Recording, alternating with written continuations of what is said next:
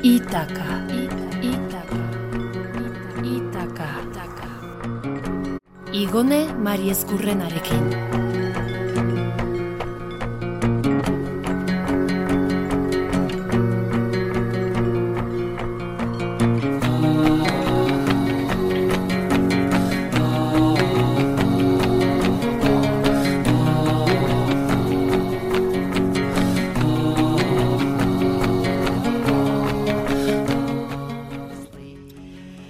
Arratsaldeon entzule ongi etorri beste behin itakara garamatzan bidera.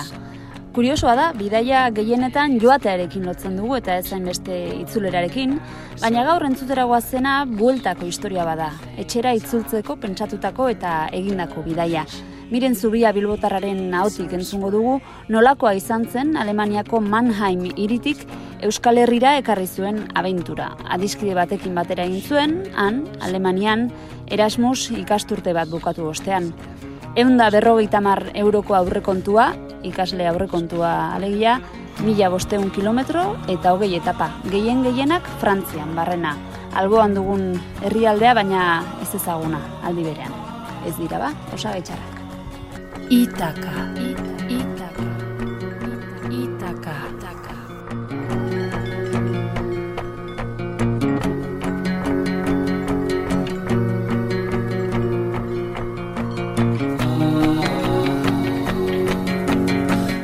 Miren Zubia, Arratsaldeon. Arratsaldeon. Zer moduz? Oso ondo. Akurratu urduri, baina ondo. Ba, urduri ez, e, gauza polita egitera goaz.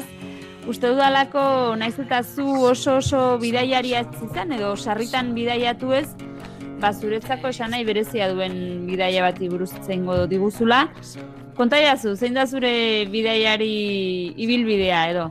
Ni naiz oso urrutira joan dakoa, baina badude bidaia batzuk beste batzuk baino gehiago markatzen dutenak eta hau da horietako bat. Dena dela, hau iritsi aurretik edo hau hasi aurretik, esan dezagun, beste zerbait egin zenuten unibertsitatean ernaldu zena, lagun artean, Euskotur izeneko ekimen bat, eta eta uste du merezi duela Euskotur zer izan duzen komentatzea, hain justu gero e, aipatuko dugun bidaiaren iturburua izan zelako. Zertzen Euskotur? E, Unibertsitateko lehenengo urtean, ba, kasualidades, e, taldetxo bat sortu genuen, e, klasekideak izan ginenak, batzuk gipuzkoarrak, beste batzuk bizkaitarrak eta beste batzuk e, arabakoak, eta ba, ordu pila bat e, ematen genituen liburutegian, ez? Baina liburutik liburura ba, tarteka kafeak ere hartzen genituen eta kafe horietako baten ba, norbaitek proposatu zuen ideia polita izango zela, ba, udan motxila bat hartu eta Euskal Herria ezagutzea, ez? Eta uda horretan ba, hori genuen eta ohitura bilakatu zen, e, unibertsitateko uda guztietan, ba, liburuak alde batera utzi eta Euskal Herria ezagutzea, ez? Ideia polita eta zenbat urte egin zenuten? Ba, bost urtez, egin nuen, bai. Izan ere miren zuk zer ikasi zenuen? E, ingenieritza ikasi nuen, eta ezagutu ginen ingenieritza industrialeko lehenengo mailan. Eta karrerak iraun bitarte, udara guztietan, uda guztietan, euskoturra? Hori da, aitzakia batzan denak e, udan biltzeko, eta bide batez, ba hori, aventura polita elkarrekin bizitzeko. Aizu, ba, ikasleren bat bali daukagu hor bestalde entzuten, ardezala erreferentzia bezala hau, ideia polita delako. Bueno, Euskoturra aipatu dugu, Euskoturren jarraipena edo azken arrastoa izan zelako gaur kontatuko diguzun bidaia. Okerrez banago, Erasmus e, ikasturtea egitera Alemaniara joan zinen, eta lagun batekin batera, erabaki zenuen Erasmus ikasturte horri amaiera borobila emana izeniotela, eta nola? Nik e, karrerako azkenengo zei hilabeteak Alemanian eman nituen, eta eta bueno, ba, ideia esan, ustekabean etorri izan, e, Alemania oso ondo prestatuta dago bizikletan ibiltzeko, eta ni ara iritsi nintzanean, e, eman jimera, ba, ikusi nuen e, bizikleta bat behar nuela. Baina arazo ikusten nuen e, bizikleta nola bueltatu Euskal Herrira, ez? Esaten nuen, jo, bizikleta bat erosi eta gero bertan lagatzea, Eta olako baten, ba, nire lagun idoiak email bat idatzi zian, bururatu zitzaiola, ba, azkenengo, azkenengo urtea eskotorrekoa izan zitekela, ba, hori, Alemaniara joan, eta biok elkarrekin mueltatzea. Orduan, ba, ba, enoen zalantzarik egin, eta bai esko manean. Eta gutxika gutxika, ba, ideia bat e, izan zena, ba, forma joaten eman ginen, eta, eta bazkenean egin izan genuen, bai. Beraz, zu Alemanian zinen, baina laguna Euskal Herritik mugitu zen Alemaniara buelta zurekin batera egiteko. Hori da. Berak esaten zen moduan, ba, e, nik enuen bueltatu nahi, eta bera torri da izan zen bila. Rematatu zuen, eta eta bertatik bueltatu ginen, bai. Erreskatera. Hori da. Aizu, e, miren, eta zuk lehenago bazenuen e, bizikleta zibiltzeko oiturarik, edo esan didazu Alemanian oso ohikoa zela, eta behar bada horrek ere zure oiturak e, aldatu zituen, ez? Edo hartu zenuen behar bada, ba hori, e, egunero bizikletaz e, ibiltzeko joera hori? Bai, nik egia esan, e, betian nik gozatu izan dut bizikletan ibiltzen, baina kontzeptu aldatu nuen, ez? Nik e, bizikleta erabiltzen nuen e, denpora pasagisa, edo kirola egiteko modu gisa, eta momentu horretan ulertu nuen garraio baten gisa, ez? E, Mhm. toki batetik bestera joateko beste modu bat. Mhm. Eta beldurra zenion aldaketa horri edo zerbaitek horrela atzera botatzen zintun edo ar- argi ikusi zenuen posible zela? Nik uste argi ikusi genuela posible zela, denpora geneukan, eta ez genuen beste planteatu guk e, bizikleta erosiko genuen, eta nolabait iritsiko ginen, hori argi geneukan. Mhm. Eta zuen inguruan nolako izan zen erreakzio hau komentatu zenutenean, edo zuen lagunen artean, edo ez dakit norekin partekatu zenuten lehenik eta behin? Ba, egia e, ideia izan genuenetik gauzatu zen arte, nik uste askorik ez genuela komentatu, eta gero dana lotuta auki genuenean, eta ikusi genuenean ideia hori posible zela, e, ba, hortxe komentatu genuenean, adibidez, e, ba, etxean, barrazian dirik ezien egin, e, egia esan. Baina, bueno, esan, esan dizuan, guk argi genukan bueltatuko ginela, nolabait, Mhm. eta egin egingo genuela. Orduan, Beraz, eh, etxekoi e, e, baina sukaldatu eta egin mantzen nieten, ez? Hau da dagoena eta... hori da, hori da, hori da. E- E, eta zein zen euren beldurra edo zergatik etzien graziarek egin? Bueno, nire aitaren erantzuna izan zen lana topatzen hasteko eta ideia horiek beste momentu baterako usteko. Ah, bai, eh? Gero bukaeran galdetuko dizut zen izan zen zure aitaren komentarioa Euskal Herrira iritsi zinetenean. Agian desberdina izan zen eta. bai, bai. Bueno, e, miren, eta nola planteatu zenuten e, bidaia logistikoki eta aurrekontu aldetik esate baterako? Ze ideiarekin abiatu zineten? Ba, e, printzipio baten, e, printzipioz, e, idoia enkargatu zen e, ruta egiteaz, e, azkenean e, Europa mailan bidegorri pila daude, Eurobedo deiturikoak, eta gero gaua pasatzen logistikaren kontua, ba, plataforma bat existitzen da, Worm Shower deiturikoa, eta ba, bizikletan ibiltzen den jendea konektatzeko plataforma da. Bertan eh, harremanetan jartzen zera familiekin eta eurek eh, euren eske, etxea eskaintzen dute gaua pasatzeko eta hola egin genuen. Mhm. Aurre kontuaren kontua, e, ba, bueno, barregarria izan zen, ze, bueno, apurra kontatuko duzen lan egin genuen, ez? Bai. Idoia e, ustaiaren hogeta lauan iritsi zen Alemaniara, e, ustaiaren hogeta bostean bere urteak ospatu genituen, hogeta seian nik e, graduan maierako lana aurkeztu nuen, eta hogeta zazpian e, abiatu ginen, ez? Dana gura- segidan, dana pentsatzeko tarterik gabe. Eta tarte horretan, nik bidali behar izan dituen ba, maletak Euskal Herrira. Eta momentu horretan kontuatu nintzen, zireun euro nituela eskubirutan, eta aterrian ezin duzu bi, e, dirua Mm. banko sartu. Mhm. Orduan egin genuen izan zen, zireun euroiek, lau pakete txikitxotan bildu, zeloarekin, eta lau pakete horiek, ba, zapata banatan sartu genituen, eta lan bidaiatu genuen. Mhm. Azkenean, ba hori, egun da berrota euroko paketetxo bat bakarrik erabili izan genuen, orduan imaginatu aurre kontua Jo, eh, zelakoa ba. Murriztu zen la ordenera.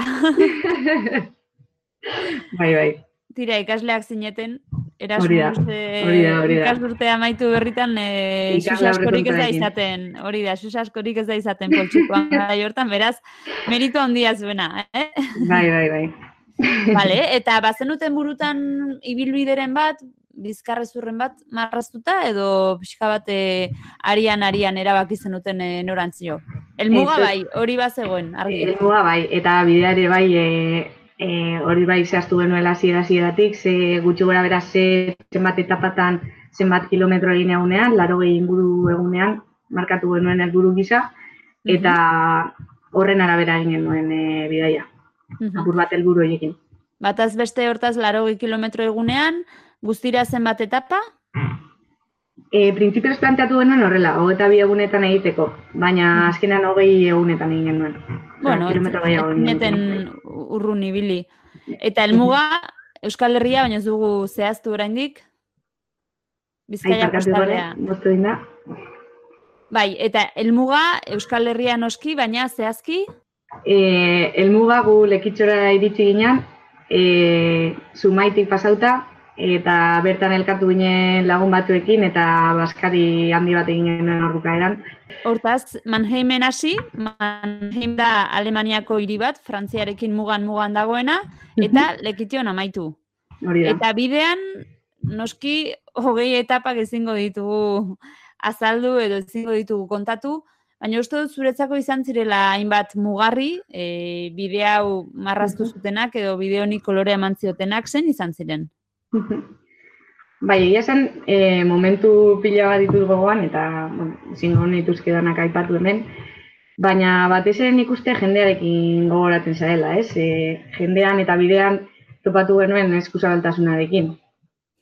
Eta batez ere, e, momentu horretan, e, gauza txikiez gozatzeko kapazitatearekin, ez? Gogoratzen dut, e, geratzen ginen etxe guztietan, ematen zigutela gazta pilo bat probatzeko, eta gazta Mm. pila bat gustatzen zitzaigun. Orduan, hori ikusita, e, etxe baten, ba, gazta pusketa bat eman ziguten, gazta pusketa txikitxo bat, eta gazta horrek iran zigun e, bideian zehar, pila bat denpora. Azkenean, gazta zatitxo jaten genuen, behar sanean. Mhm. Jo, Eta, eta goratzen dut, egun baten, galdu egin ginela, euri hasi zala, ez geneukan nondo egin, eta olako baten beti agertzen da pertsona bat, ez, salbatzen zaituena, eta e, e, herri txikitxo baten izan zen, ez naiz goratzen izena, eta etxe batetik atea zen emakume bat, e, seria, seria, eta, eta bere etxera gonbidatu zigun.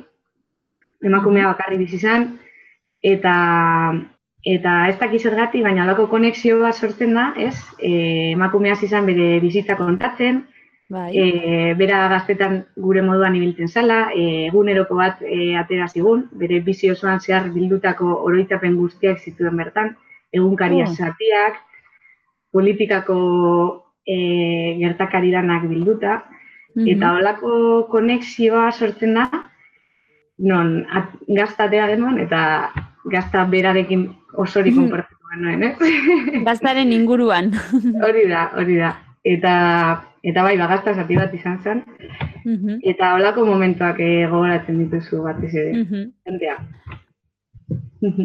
Imaginatzen dut hortaz, hau Frantzian gertatu zen, gero aipatuko dugu Frantzian barrena zen izan ziren e, zeharkatu zen dituzten gune edo herri eta hiri nagusiak. Pentsatzen dut orain gazta frantsesa jaten duzun bakoitzean gogoratuko zarela ezta?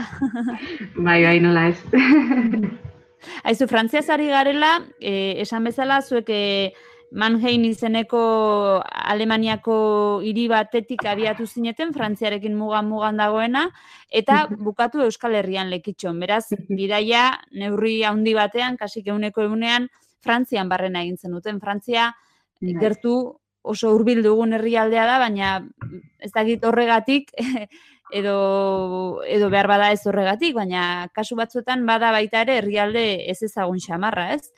Ez dakit zeo zer kartu zintuzten ustekabean edo sorpresarik hartu zenuten Frantziarekin, frantses eh, jendeekin edo topatu Mm. zenuten bueno, Bai. e, familiekin eta bidaideren batekin agian edo... Bai, egia esan, e, hausnartzeko luze eman ziguna hori izan zen, ez? Azkenean, nola e, Euskalduna daukagun gure buruarekiko oso irudi ona, Mhm. baina kanpora teatzen zarenean eta ondoko herrian zaudenean konturatzen zara ze, ze, ze eskusa bala den jendea eta ze erraz zabaldu zigun bere etxeko atea jenteak. Eta hausnarketarako eman zigun, ba, ea gu gai ote ginen hori egiteko, hau da, ez ezagun bateri horren erraz atea zabaltzeko, ez? Eta, Mhm. Eta zeren truke ba, horren beste eskintzeko. Mhm. Eta bai, zuek beste aldean e, jartzeko. hori da. Gertatu altzaizu gerora, miren? E, bidaiaririk hartzea horrela zure etxean edo zikloturistari kasu honetan edo? Bai, noski, e, azkenean bidaia hori egiten duzunean mm, zor badaukazu, ez? Eta ni plataforma horretan e, izena eman nuen, eta, eta bai, bidaia horien bat e, etorri zitzaigun etxera, bai. Mannheimen hasi zineten, Mannheim Alemaniako hiritik abiatu zineten, eta zein da bidean gogoratzen duzun urrengo geldiune garrantzitsua?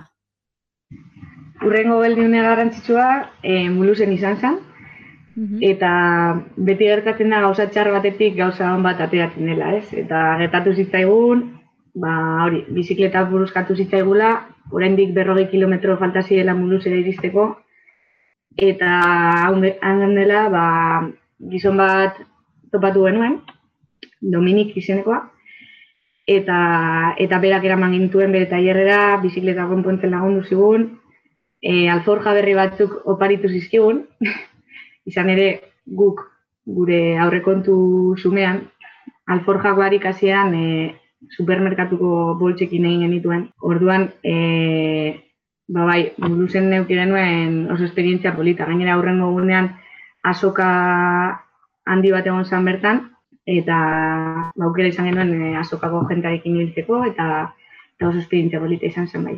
Bai, eta mulusetik, miren, norantz? E, Besanzonen egin genuen geldialdia, bertan ere sorte auki genuen eta zirku moduko bat topatu genuen.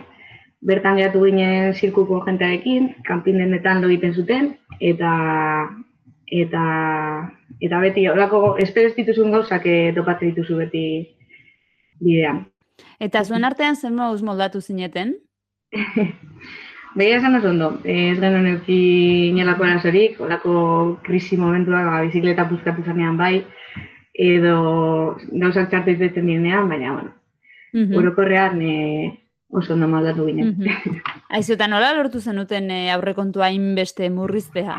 Egun da berrogeita hamar euro besterik ez bilagun Alemaniatik Euskal Herrira bizikleta zitzultzeko.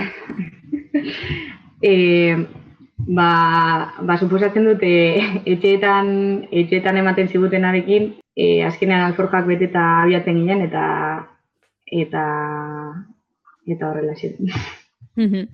Eta bueno, pixkanaka pixkanaka Euskal Herrira hurbiltzen, Ipar Euskal Herrian ere ingo zenuten geldiunerik pentsatzen dut. Bai, e, Euskal Herria pasata, Mhm. e, urruñan geratu ginen, Mhm. eta urruñan matxinekin, e, matxinen etxean geratu nintzen, e, kasualidades gaztetxe baten kontzertu batera eraman gintuen, eta oso oso ondo pasatu genuen. ja Euskal Herrian, ba, beste saltza baten. Bera ere pentsatzen dut izango dela, honetan sartu dabilen e, persona bat, edo, bueno, zikloturistak etxean hartzen dituen e, hoietako solidario bat, ez da? Hori da, hori da, hori da. ba, agurtuko du, bideo bat ez matxin. bai, hori da. Bueno, eta almuga, miren, lekitxo, azkenean, hogei etapa eta gero, ze sentizu zenuten, edo zer, e, ez dakit, ze ideia edo ze etorri zuen e, burura, ez? Edo bihotzetara, arimetara, iritsi zinetenean. Bai, bai, esan oso sentsazio polita da, e, hilabete pila baten ostean e, etxean sentitzea, eta eta lortu duzela jakitea, ez? E, gerora enteatu ginen jenteak apostuak egin zituela ea iritsiko ginen edo ez, eta... Ah, bai, eta bai, oso oso polita berriro eta gehiago ziren aldekoak, sinesdunak edo, Bai, edo bai, sinesgabeak, bai. Kuriosidadez, e, miren, aitak zer esan zizun? Bueno, baita arro. bai. bai, bai, baina egin da, ba, posi, posi dut esan. Ez zitzaion hain ideia txarra iruditu orduan Ez, ez, azkenean. Tira, amaierak ere izaten dira ausnarketarako momentua, ez? Eta ez dakitzuek ze itxaropen zenuten jarrita bidai honetan, edo zer espero zenuten bidai honetatik abiatu zenetenean. Ba, egia esan, e, nola horrek urtetan e, esperientzia antzekoak izan genituen, e, ideia gutxi egiten genituen. Ideia bakarra zen, e, bidaiaz gozatzea, elkarrekin gozatzea, eta eta momentu txiki ez disfrutatzea, ez? Azkenean autonomia horrek ematen dizun gozamen horretaz disfrutatzea. Mm Eta zer ekarri zizuen, edo egin zenuten konparaketa, behar da konparaketa ez da hitz polita, baina espero zenutena eta eman zizuena maila berean egon ziren, edo ez ustekorik izan zen? Nik uste e, inork ez zuela espero, edo ez genuela espero, ezin duzula imaginatu olako viaje bat. Mm Ezin. Mhm. Eta gerora gainera miren, eta hemen behar bada datorre tira azalpena edo zergatik den bidaia zuretzako hain garrantzitsua, honek guztiak beste esanaia bat hartu zuen, ezta? Bidai honetatik arago. E, bai, egia esan, e, lehen esan, dudan moduan, e, nien naiz asko bidaiatutakoa, baina bidai honek niretako esan nahi berezia dauka. E, nire bidai laguna izan zen idoia, e, aurrek urtean e, joan zitzaigulako, eta bere oroimenez edo bere omenez, e, ba, gogora ekarri nahi nuen esperientzia politau, eta eskerrak emate dizkizuet, ba, aukera emateagatik. Bueno, nik uste ez dagoela eskerrak eman beharrik miren, e, zoragarria da. Uste dut e, lagun bat gogoratzea bidaia batekin batera edo bidaia bat izatea lagun bat gogoratzeko modua. Eta hortaz, ba, gu guztion oroimenean baitare idoia zure bide laguna. Eta eskerrik asko, miren, gurekin tartetxo hau partekatzeagatik, zuen bizipena kontatzeagatik, eta nor daki, agian bazuek bezala garai horretan Erasmus ikasturtea amaitu eta hau egitea erabaki zenuten bezala, badiot, ba, agian egongo dela ikasleren bat une honetan entzuten eta eta ideiak hartzen, apunteak hartzen. Hori da, horretarako balio baldin badu, ba, misioa ja beteta. Hori da, horrelakoa kutsatzea komeni da. Hori da, hori da. Miren zubia, mila esker, gurekin izateagatik, Ni esker igone. eta horrelakoren bat edo besteren bat balin badaukazu, ba, badakizu gu beti entzuteko prest. Noski, noski. Ongi ongi izan eta besarka handi bat. Ba, placer handi bat. Eskerrik asko. Aio, agur, agur.